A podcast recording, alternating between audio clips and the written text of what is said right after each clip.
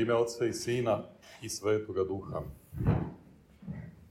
Današnje evanđelje nam donosi odlomak koji govori o susretu Hrista i besomučnika u Gergesinskoj zemlji. Ta zemlja je zemlja galilejska, neznabožačka.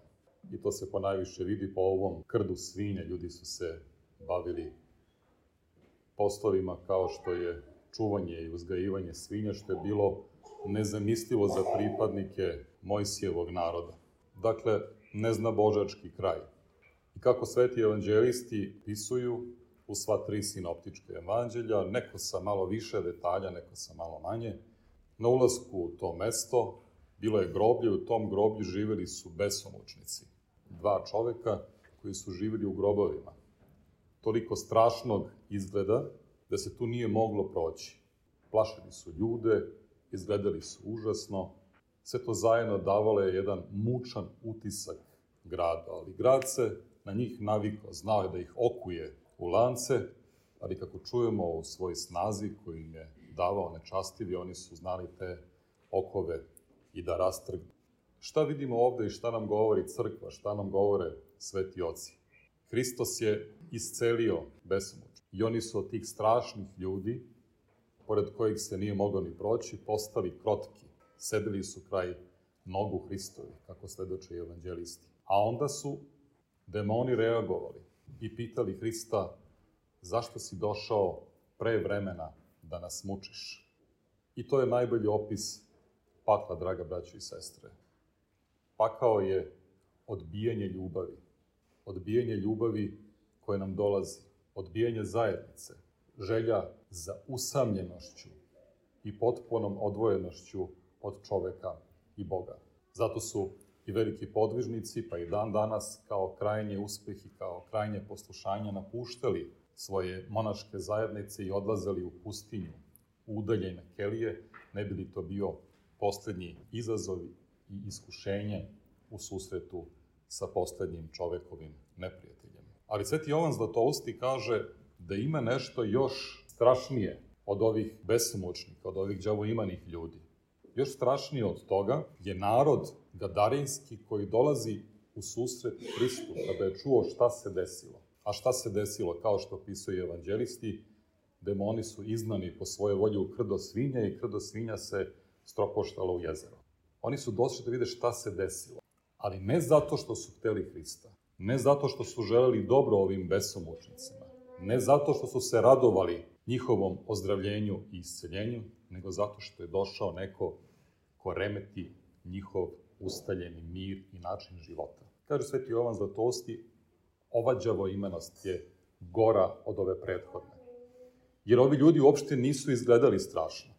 Oni su bili uredni, oni su bili uglađeni, možda su bili dobro stojeći, lepo obučeni, finog, konvencionalnog ponašanja, ali neće Hrista i neće Boga. Zašto? Zato što je došao i poremetio njihov mir.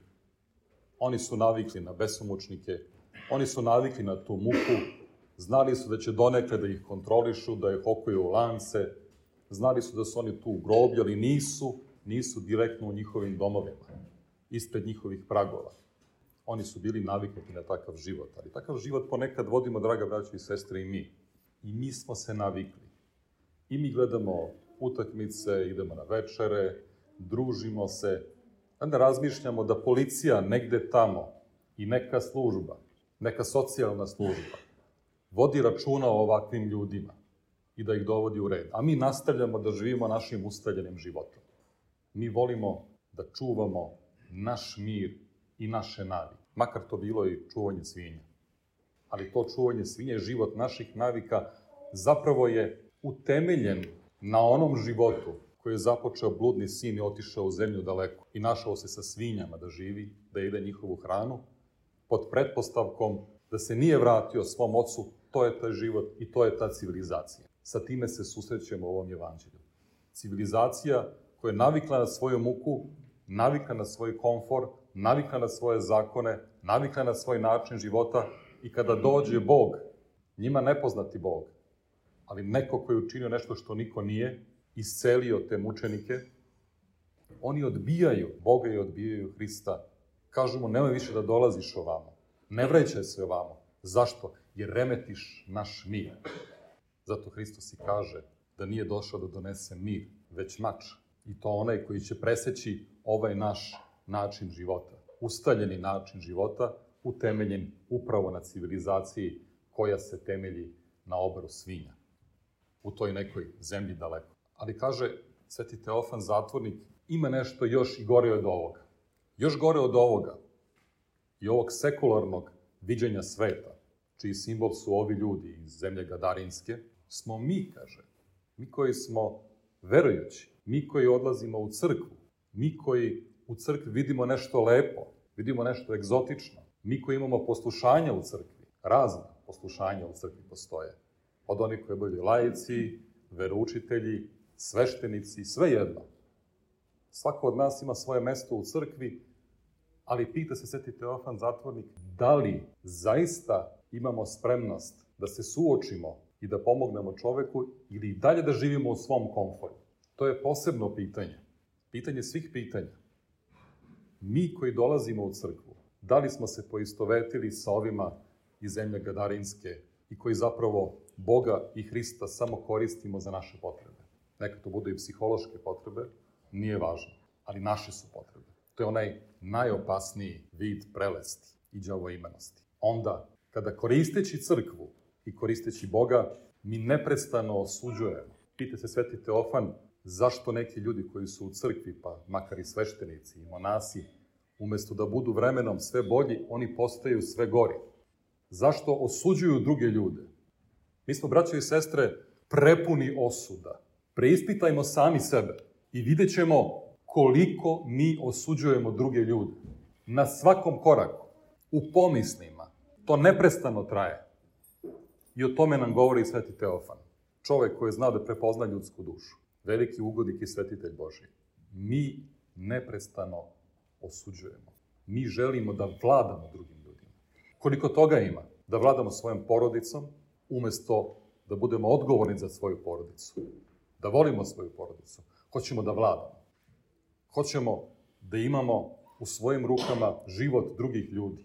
I u tom neprestanom ispoljavanju našeg sebeljublja i našeg egoizma mi zapravo ulazimo u taj najgori oblik besomučnosti, a to je prelest.